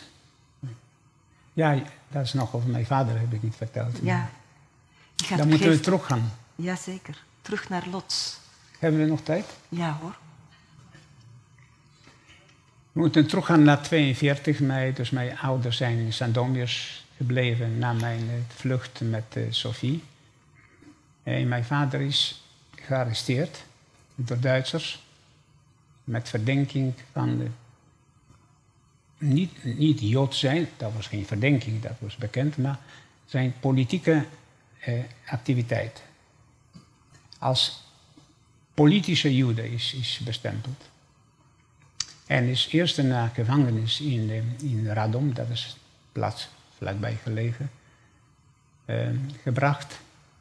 Daar is opgesloten een paar maanden. En in 1943 is naar Auschwitz gekomen. Dus is in, in Auschwitz geweest vanaf zomer 43 tot januari 45. Bijna twee jaar. Heeft Lang. de bevrijding daar meegemaakt? Nee, nee, nee. Nee? Hij is eh, met die bekende dodenmars Ja. vlakbij Russen bevrijd hebben. Auschwitz, dat is een 27 januari, vandaag 71 jaar geleden. Hebben Duitsers en het eh, gevangenen van de resterende gevangenen van Auschwitz en van alle kampen in de omgeving. eh, in, in bekende mars, waarom bekend? Omdat zijn, er zijn 60.000 mensen geweest die 's winters vij- iets van 60 kilometer moesten lopen s'nachts van Auschwitz en omgeving naar het treinstation. Nou, dat is een het, eh, typisch dode mars geweest, omdat die, die weg is, is gemarkeerd door een honderden, als niet duizenden doden.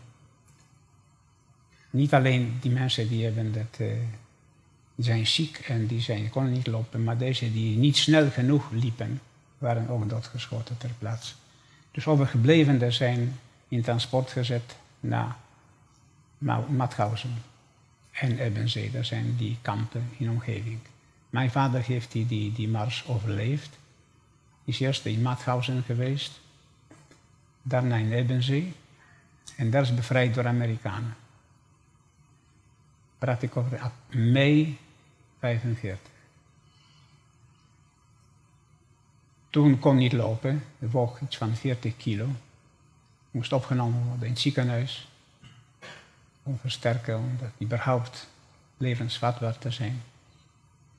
En daarna had hij, had hij keuze over te blijven in de Amerikaanse zone, wat de meesten zijn gebleven daar. Of terugkeer naar, naar Polen, wat hij wist helemaal niets. Wat gebeurde met ons, met mij, met Sophie, met zijn vrouw. Hij is toch besloten om terug te komen. In eerste instantie is gekomen naar onze oude adres in, in. En volgens zijn verhaal kwam bij de conciërge beneden. En vroeg misschien heb je enige informatie waar mijn familie is. En zij zei, zijn ze boven gewoon? In jullie appartement. Omdat we waren in ons oude appartement. En hoe was dat om je vader terug te zien? Herinner je dat goed? Ja, ik heb hem niet herkend in eerste instantie. Ja. Niet herkend? Niet hij- herkend? Nee, hij is helemaal anders. Nou, dat was een werende, hoeveel jaar? Vier jaar. Ja, hij zag anders uit. Ja, we hebben over gesproken, omdat in het uh, paar nee, twee jaar geleden was in Groningen een grote tentoonstelling van de Repin. En een van de schilderijen van de Repin is terugkomst van de, van de uh, gevangenen van Siberië. Toen in, in Tsarische tijd gingen gevangenen ook voor maanden, nou, in Stalin-tijd ook. En dat is een prachtig beeld van, het, uh, van een kamer, waarin het is een man van achter, in een zulke dikke winterjas. Er zijn twee vrouwen en er is een kind die daar aan tafel zit. En zie je in de ogen van het kind zie je, zie je verbazing of angst zelfs. Wie is die man die hier zo... Ja. Ik kan me voorstellen, zoiets is met mij geweest ook. Ja. En dat was in jullie oude appartement, want dat stond nog wel, hè, tot... Ja. Uh, ja, tijdens de oorlog waren daar Duitsers, die zijn gevlucht en we konden direct komen in ons oude, oude appartement. Dat was geweldig. Ja, en daar woonde je toen met wie allemaal in dat oude appartement na de terugkomst van je vader? Nou, dat was met wie allemaal. Dat zijn het, uh, in die tijd dat was een, het zo gevoel van het uh, overleven van oorlog. Alle slecht is voorbij, nu alleen goed kan komen. Er was een verbroedering die plotseling onze huis, ik kan me herinneren, er kwamen ontzettend veel mensen, van, mij ook bekenden, die kwamen terug van oorlog of van Rusland of van Duitsland en hadden geen huis. En uh, iedereen kwam bij ons, omdat we hadden een groot appartement, vier kamers. Dus dat sliepen op een gegeven moment bijna elke avond andere mensen. Ik weet nog een anekdotisch verhaal. Die Duitsers hadden een hele grote palm binnen een grote kamer. Onze gebleven. Die palm is gebleven.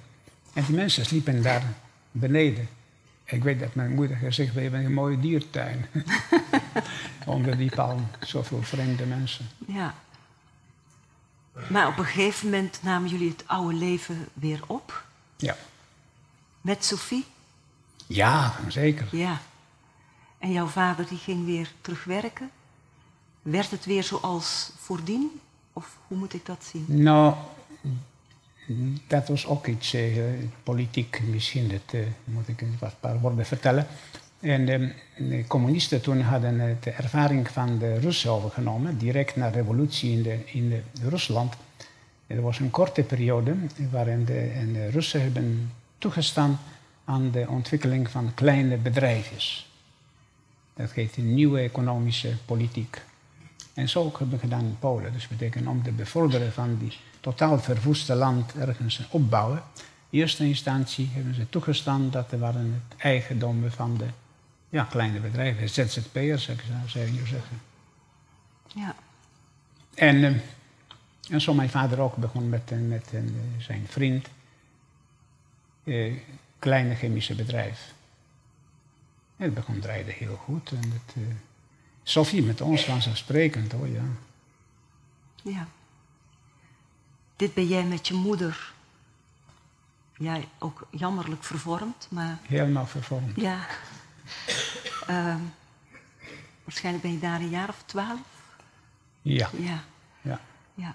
En uh, wat ik zo wonderlijk vind aan, aan jouw verhaal, dus jullie pakten het leven weer op, zo goed en kwaad als het kon. Jouw vader ging weer, het ging op een gegeven moment toch ook weer vrij goed. Jullie bleven in het appartement wonen.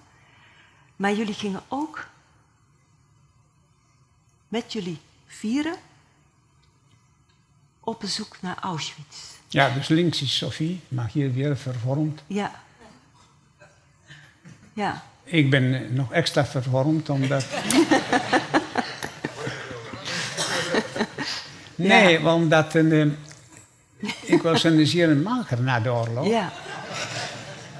Maar toen al niet meer zo, hè? Maar uh, toen uh, de artsen, de kinderarts hebben gezegd dat ik heb tuberculose en ik moet goed gevoed worden. Nou ja, dat is het resultaat. Ja. maar niet iedereen ging... Uh, niet iedereen ging zo snel na de oorlog al naar Auschwitz. Maar jouw vader deed dat wel. Ja, en dat is, dat is mij eigenlijk nog steeds begrijp ik niet zo goed. Ik heb een, verwacht dat een bezoek aan Auschwitz zou ontzettend uh, traumatisch en ook zeer uh, zwaar zijn voor hem. Maar hij was zeer, een, eh, zeer pragmatisch, zeer Ja. de koel. Ja. En eh, relationeerde ons en rondgeleid langs die, die, die restanten van gaskamers, langs die barakken, langs die restanten van de crematoria. Zonder eigenlijk een, eh, zonder grote emoties. ja. Zeer, met stoïcisme, zelfs soms met sarcasme zou Ja. ik zeggen. Kun je dat verhaal eens vertellen wat dan in de jaren 50 is gebeurd, denk ik, toen je met je vader op bezoek was in Wenen? Ja. Wat toen gebeurde? Want dat karakteriseert heel erg. ook Mijn vader vader. eh, eh, had nooit wrakgevoelens ten opzichte van Duitsers. Absoluut niet. Ik vroeg me af, hoe kwam dat? Misschien omdat heeft hij eh, gestudeerd voor de oorlog in, in Duitsland en had hij, sprak hij heel goed Duits. Mhm. En dat hij waarschijnlijk hem leven gered, ook in Auschwitz. Maar hij was een, zeer een, eh, ruimhartig. En eh, ik had een vriend in Wenen, Hans, oom Hans, Hans Eisenschimmel, advocaat, Oostenrijkse advocaat, die door Duitser is eh, gevangen genomen en naar Auschwitz gestuurd. Je kan je voorstellen in Auschwitz, iemand die praat alleen Duits, dat is Duitser. Maar hij was ook gevangene. Hij was een grote man, ik denk dat 1,90 meter. En eh, het verhaal van mijn vader zegt dat, eh, hoe kwam tot de vriendschap tussen hen?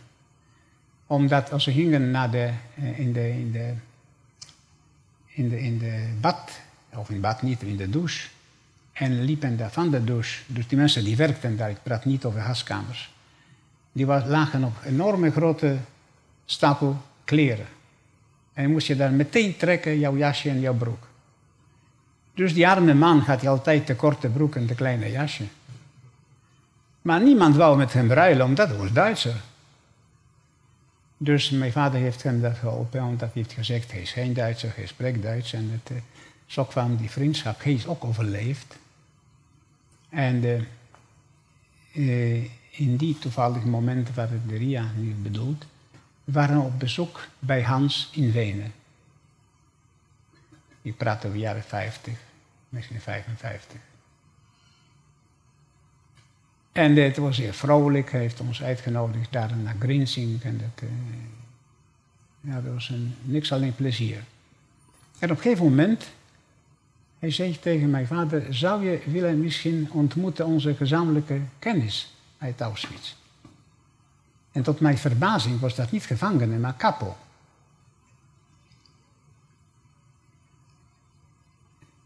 En ze hebben afgesproken bij Grinzing, dus aan het glas wijn. Jullie waarschijnlijk kan zich voorstellen, dat is een, een grote vrolijkheid in Grinzing. Iedereen komt met eten en drankjes ter plaatse. En een van de avonden, ik zat aan tafel met eh, mijn vader, die Hans, een onbekend voor mij man, en ik. En begon zo rustig te praten met glas wijn over Auschwitz. Over de periode daar. Waarschijnlijk Hans en die capo hadden vroeger contacten. Dat was ook Oostenrijker. Maar blijkbaar, er was een verschil. Dus niet elke capo was meteen misdadiger. Die waren, ja, ik durf niet te zeggen, goede Duitsers of goede kapos, dat weet ik niet. Maar het was iemand, maar ze hadden normaal contact. Nou, dat was en dat heb ik dan Ria Ja. verteld, dat was voor haar verbaasd. Voor mij ook. Maar voor mijn vader was dat helemaal normaal. Dat verbaasde me. Ja. Nog een breed beeld. Ja, altijd Sophie, in de eerste plaats, ja. Ja. Eigenlijk heb je twee moeders dus. Oh ja, Ja. Dit is de jaren 50. Dus als jullie een familieportret maakten, dan ging Sophie ook op de foto. nou misschien spring ik nu dat ontzettend ver, maar dat, eh, door onze kind is eh, geboren. Ik woonde toen met Sophie. We woonden samen met Sophie. Ja. En eh, zij heeft alle overgave, misschien, ik durf niet die woord gebruiken, liefde, maar dat is veel meer dan liefde. Die hij mij heeft gegeven, gegeven aan, aan mijn zoon. Ja. Ze noemden hem soms met mijn naam. Ja. Ik spring dan even naar de laatste foto. Dat is een beetje een onheldere foto. Uh, maar daaruit blijkt ook, dat is een foto van Sophie. Het verhaal is nog niet een einde. Dat is uh, Sophie met Piotr en Eva. Amersfoort 1970. Daar zit dus... Nou, dat is een ontzettend misvormde foto. Ja.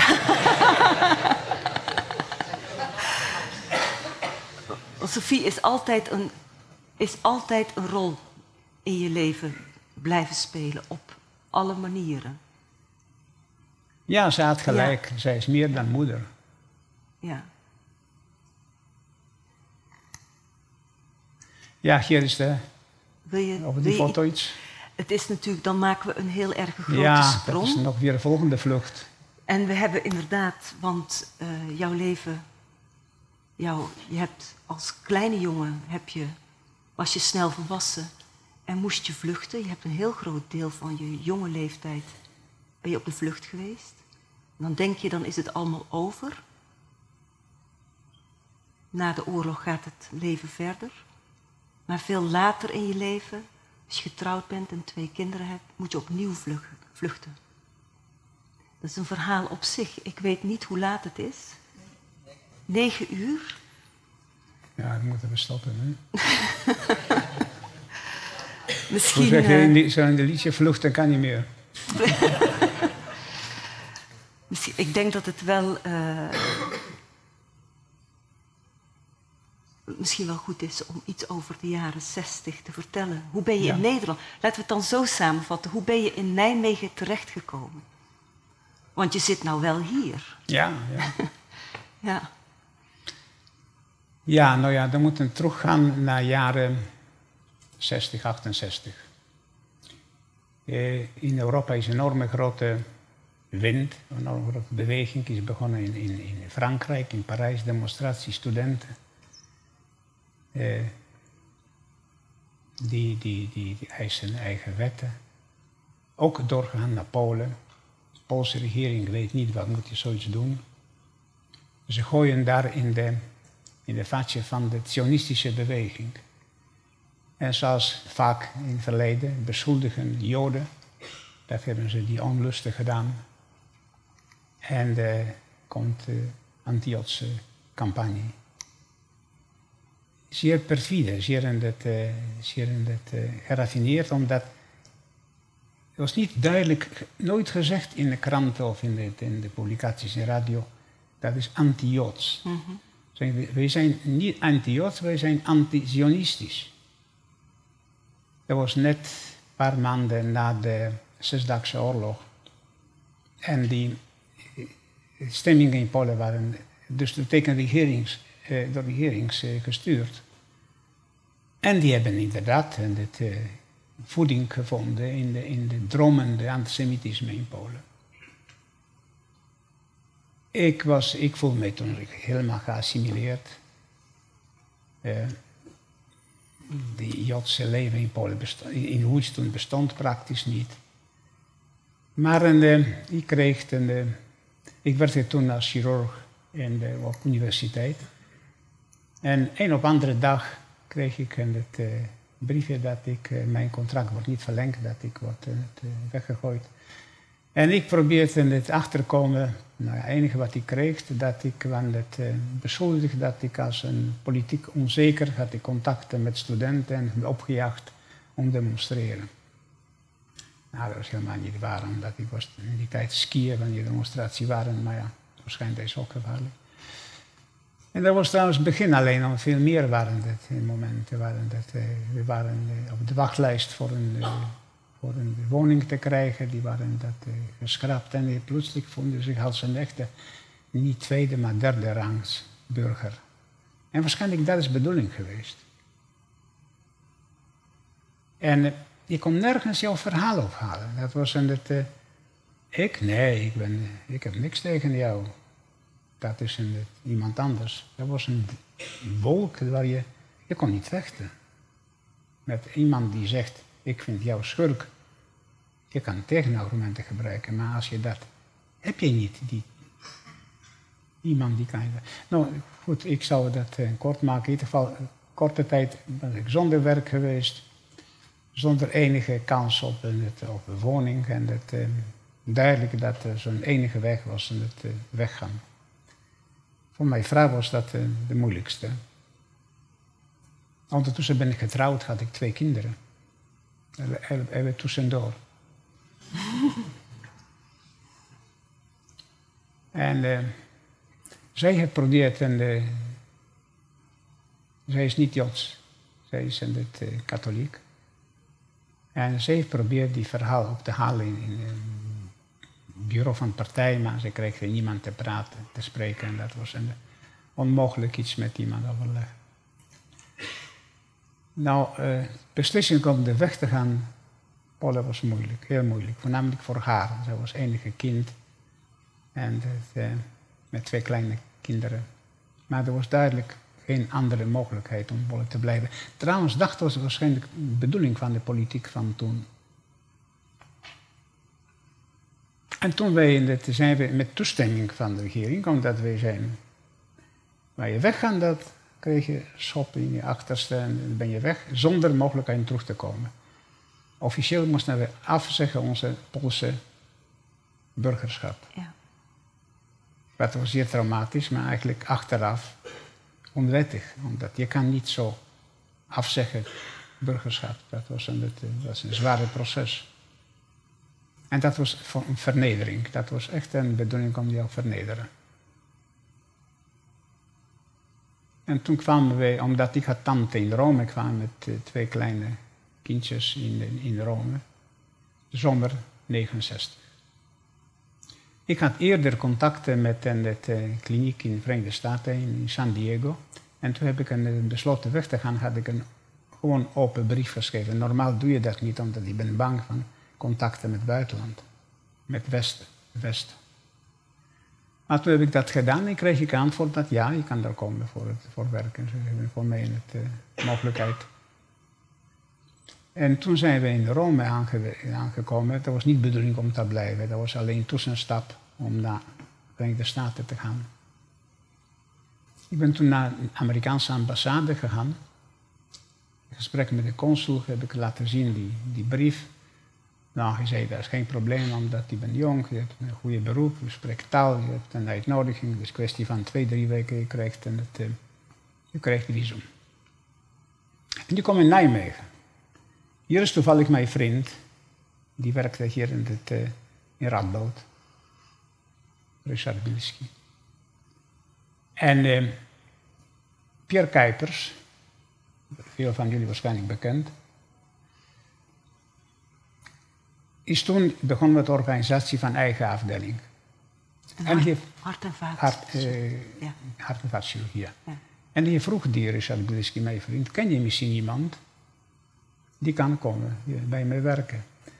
En hij zei, ja, ik heb een vriend, maar hij zit in Rome en gaat naar Amerika, heeft alles klaar. En Pierre zei, geef mij het adres. Doorzetten. En Pierre heeft eh, hem mij een brief geschreven, die heb ik nog steeds. Die mij biedt aan hier in het eh, werken aan de, aan de nieuw komende kliniek. Nou, dat was een uh, moeilijke beslissing. Ik had een het, uh, keuze uit Amerika, baan ook aangeboden. Ver. Amerika toen was bijna als een reis naar de maan. En hier naar Nederland. Over Nederland wist ik niks. Over Nijmegen nog minder. Maar het was dichterbij. Dat was tenminste, onze ouders waren nog in Polen. Ik kon dat misschien ooit zien. Naar Amerika, dat was voor mij uh, in die tijd helemaal weg van de van bestanden. Nou, misschien een anekdotisch verhaal. Ik, weer een anekdote. Ik kwam terug naar de... We zijn besloten naar Nijmegen te komen. Ik kwam naar dezelfde consul en ik zeg dat ik wil terugtrekken in mijn verzoek op visum, omdat we hebben besloten om niet naar Amerika te gaan. En hij zo sarcastisch zit in een stoel. En waar gaan jullie naartoe? Dan zeg je, we gaan naar Holland. Wat? You're going to Holland? You just escaped from Poland. and you know the Russian tanks Can 72 hours reach Amsterdam? Nou, dan krijg je koude rillingen als je zoiets... Ja, soms zijn we gekomen naar Nijmegen. Ja, en hoe was je ontvangst in Nijmegen? Nou, dat was het uh, heel warm. Heel warm. Nou, niet alleen ontvangst in Nijmegen, omdat toevallig had ik vrienden, maar überhaupt. Ik vergelijk, vergelijk altijd tot een sprong in de duisternis, in de zwembad. Wat je weet niet of het water is in het zwembad, maar dat was een lekker warm water. Ja. Dat is een voorlopig mooi einde. Want we gaan nog even in gesprek met de zaal. Dat vind je goed, hè? Ja, nou ja, we hebben Want je afgesproken. Was, in Nijmegen zat je ook ver van Sophie, hè? Want van zo... Dus die kwam jullie al heel snel opzoeken. Ja, dat is in Amersfoort. Dat was toen direct de trein uit Polen. En uh, we kwamen ons bezoeken en dat was onze twee kleine ukkies. Ja. Die hebben haar begroet. Ja. Voor haar was het belangrijk, die, omdat plotseling mij vertrekt, vertrek uit Polen. Dat was voor haar zeer traumatisch ook. Ja. Ze had geen eigen kinderen. Ik was van, voor haar meer dan een kind. Ja. Zullen we vragen of de zaal vragen heeft? Nu? Nu?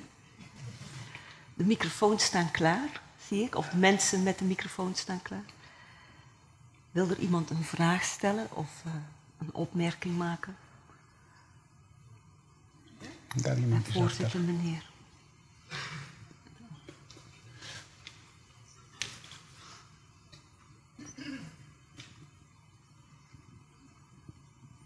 Hallo. Um, heel mooi verhaal, dank u wel.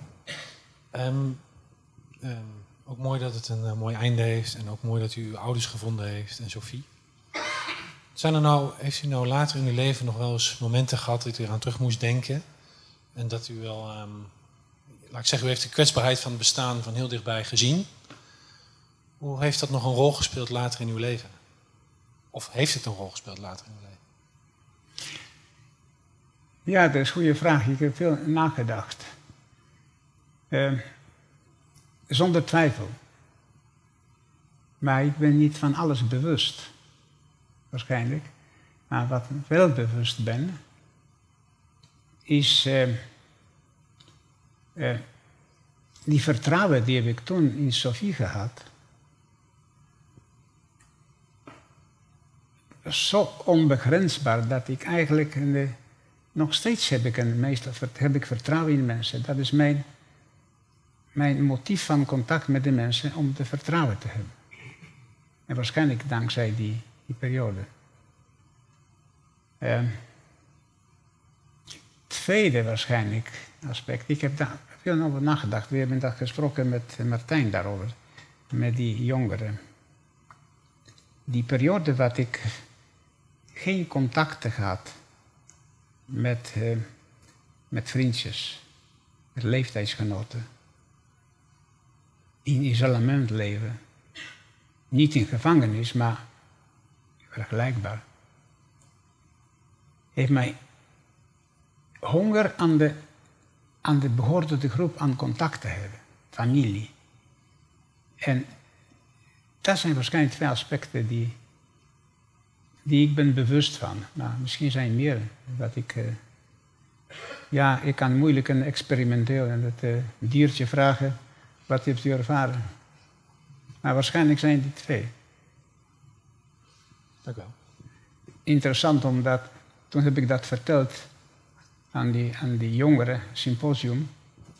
En uh, ze moesten daarna opschrijven, dacht ik, Martijn, ja. wat zijn jullie de conclusie? En en Jong heeft gezegd, gezegd je moet vriendjes hebben. ja. Daarachter was nog een vraag. Bedankt voor het indrukwekkende, bedankt voor het indrukwekkende verhaal. Um, uw verwondering over uh, het contact met die capo.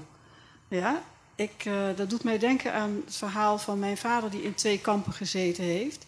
En die um, ons ook duidelijk maakte dat in feite alle landen, alle volkeren dit in zich hebben, zoals de Duitsers dat gedaan hebben.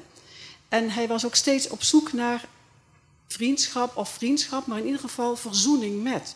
Dus als wij op vakantie waren en hij zag de plek waar het het teken van de SS weggebrand was, hè, want die hadden daar een teken van in de arm staan, ja, dan eh, zo, nodigde hij zo iemand uit mee in de boot om daarmee in gesprek te gaan. Dus ik kan mij best voorstellen dat juist met een beetje bredere visie, zoiets van ja, wij zijn allemaal daartoe in staat als het erop aankomt. Ehm, eh, en ook het, het, het, voor jezelf mee in, in verzoening komen met wat er allemaal gebeurd is. Ik, op een bepaalde manier kan ik het wel begrijpen, denk ik. Maar ik snap uw verwondering. En ik denk, ja, het raakte me wel. En ik denk, ik wil dit teruggeven. Ja? Ja, bedankt. Uh, ik denk dat meer algemeen als je kijkt. Dat, dat is overal. Je kan het moeilijk verdelen. Mensen, omdat toevallig zijn geboren in, het, uh, in Nijmegen of in andere, dat zijn slechte of goede. Uh, je hebt slechteriken overal. Kijk maar hoe loopt nu verdeling in Nederland over de acceptatie van vluchtelingen. Daar waren ze doorheen, door families waarschijnlijk. Dat is ook daar, in, het, in Duitsland ook, waarschijnlijk. In het, je weet dat het beste, dat zijn ook die lijnen lopen niet duidelijk. Ik zag daar nog een zitten meneer met een vraag. Uh, Stefan, mag jou ook tutoyeren. Um, fascinerend verhaal. Um, en ongelooflijk hoe je dat hebt doorgekomen. Je zegt zelf, Sophie, die heeft mijn leven gered. Wat mij uh, bezighoudt is de vraag: wat was Sophie nou eigenlijk voor een vrouw? En waar haalde zij de kracht vandaan om dit uh, te kunnen doen? Want jij, jij kon je aan haar optrekken, maar zij had eigenlijk niemand aan wie ze zich, op wie ze zich kon richten. Hoe heeft ze dat klaargespeeld? Dat hebben me steeds aangevraagd en dat weet ik niet. Dat zeer sterke vrouw van, het, eh, van, de, van, van boerenafkomst. Mm.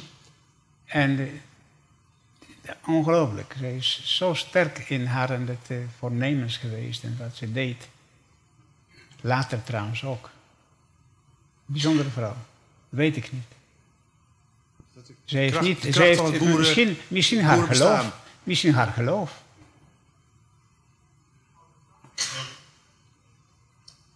Dat weet ik niet. Daar zie ik een mevrouw. Oh, sorry. Ja, zit net. Uh, ik ben na die mevrouw. Mijn vraag sluit denk ik een beetje aan op de vorige vraag stellen. Um, u vertelt over de drie vrouwen die om u heen stonden om u te beschermen. De lerares Sophie en uw uh, biologische moeder. Maar wie stond om die vrouwen heen? Liever gezegd, um, ik was verbaasd over... Uh, nee, niet verbaasd. Uh, wat ik me afvraag is... Er waren dronken Oekraïners, er waren Russen, er waren Duitse soldaten, er waren partizanen. Um, wie heeft die vrouwen beschermd? Of hoe hebben ze zichzelf weten te beschermen? Ja. Je moet niet onderschatten, die twee vrouwen. Zeker niet. Ze hadden voldoende energie om de, voor iemand anders te zorgen. Nee, mijn moeder, dat was die, die, actieve jonge vrouw. Dat was een, uh, misschien deed meer dan, dan de mannen deden. Uh, ze verdiende geld en ze had contacten met ondergrondse en dus, ze, regelde alles. Sophie was eigenlijk een, ik was een afdeling van Sophie. Nou, die derde vrouw, dat was heel kort met ons. Dat is het, uh, niet noemswaardig. Maar die vrouwen waren voldoende sterk, ze hadden niet nodig. Dat is een mooi antwoord. Ja, hiervoor is nog een vraag.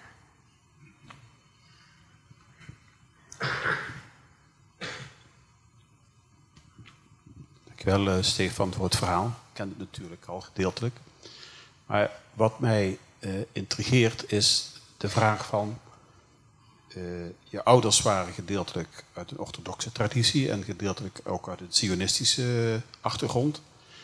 Uh, toen het in, in, Polen minder werd, zeg maar, in, in, de communistische periode... is toen een moment geweest dat... heeft dat een rol gespeeld in discussies binnen jullie familie... om te emigreren naar Israël. Heeft die zionistische ja. overweging een rol gespeeld en hoe ging dat en hoe stond je zelf daarin? Ja, dat is een hele goede vraag. In 1957 waren bijna ingepakt om naar Israël te emigreren. Eh, ik weet het niet. Ik weet niet wat is overwegend geweest, maar ik weet dat, de, dat toen die, die gesprekken waren bij ons. Die is toen niet doorgekomen. Eh, het was nog een ander moment waar we zouden vluchten uit Polen. Maar dat was eh, direct na de oorlog. Eh, mijn tante had een vriend in Parijs. En op een gegeven moment kwam bij ons een eh, Franse meneer. En die zegt, eh, eh, ik sta met mijn vliegtuig in Warschau. Als jullie morgen klaar zijn, kunnen we vliegen naar Parijs. En wij waren bang dat dat is een het, eh, provocatie en dat we niet geen gebruik maken. Dat was een één kans op onze vlucht uit Polen. En die tweede was in 57. Dat was toen emigratie van sionistische emigratie naar, naar Israël. Waarom hebben ouders dat gedaan? niet gedaan, dat weet ik niet. Ik had toen het, eh wat, 12 nee. Nou, ik moet begrijpen dat ik ben opgevoed helemaal in katholieke, de katholieke vrouw. Voor de oorlog mijn binding met Jodendom was, was vier jaar, dat heb je dan na, nauwelijks. Na de oorlog waren nauwelijks Joden in Polen, in Łódź. Van de gemeenschap van, voor de oorlog, ik denk dat eh 60.000 misschien Joden was en er misschien een paar honderd overgebleven. En deze die zijn gebleven, die zijn direct naar, de, naar, Israël geëmigreerd, of naar Amerika. Dus die, die probleem leefde niet. Dat was een, dat, eh, geen, de, we waren gelukkig dat de oorlog is afgelopen. En we hoopten dat er nooit meer problemen zullen zijn.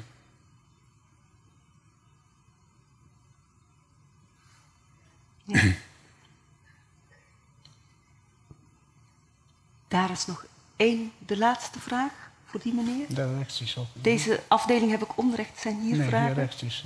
Nee? Daar is. Daar is een vraag, ja. Ik heb een uh, vraag meer over de jodenvervolging. En dan vooral richting de Polen.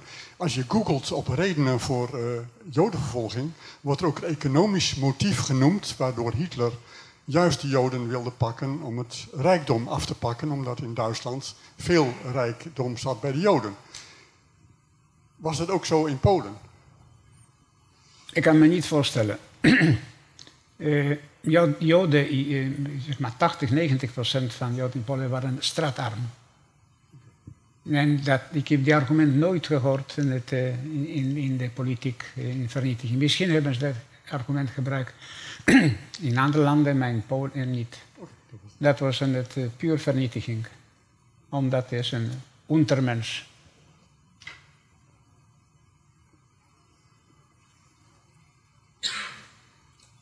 Nou, dan zijn we klaar. Dan zijn we klaar. Dat zitten. Dankjewel.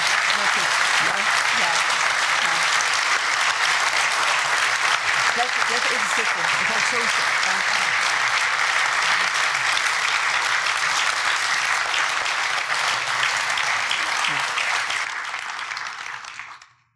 Zo Stefan. Uh, dat je doorgesluist. Ik denk dat is uitgerucht. Nou ja. dat je mee doorgesluist door deze moeilijke avond. Nou, jij dankjewel. En uh, straks hebben we nog een heel klein dingetje voor je. Heel leuk.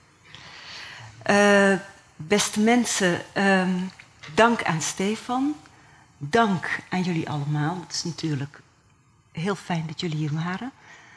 Dank aan Martijn, dank aan Gerard Meijer, dank aan Gaston Melis, die een hele bijzondere rol heeft gespeeld, maar ik, ik weet niet, hij zal hier ergens zitten.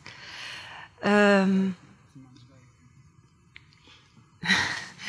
en dank aan Charles van Doornwaard, van Die Vlegel, die gaat dadelijk de elfde nocturne van Chopin spelen. Maar voordat hij dat gaat doen, wil ik u alvast van harte uitnodigen om na het spel van Charles, pas daarna, niet daarvoor, uh, met ons mee te gaan borrelen. Hartelijk dank allemaal. Dank je wel.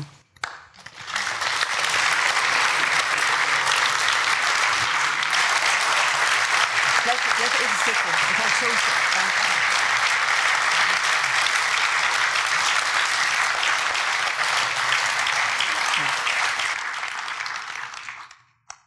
even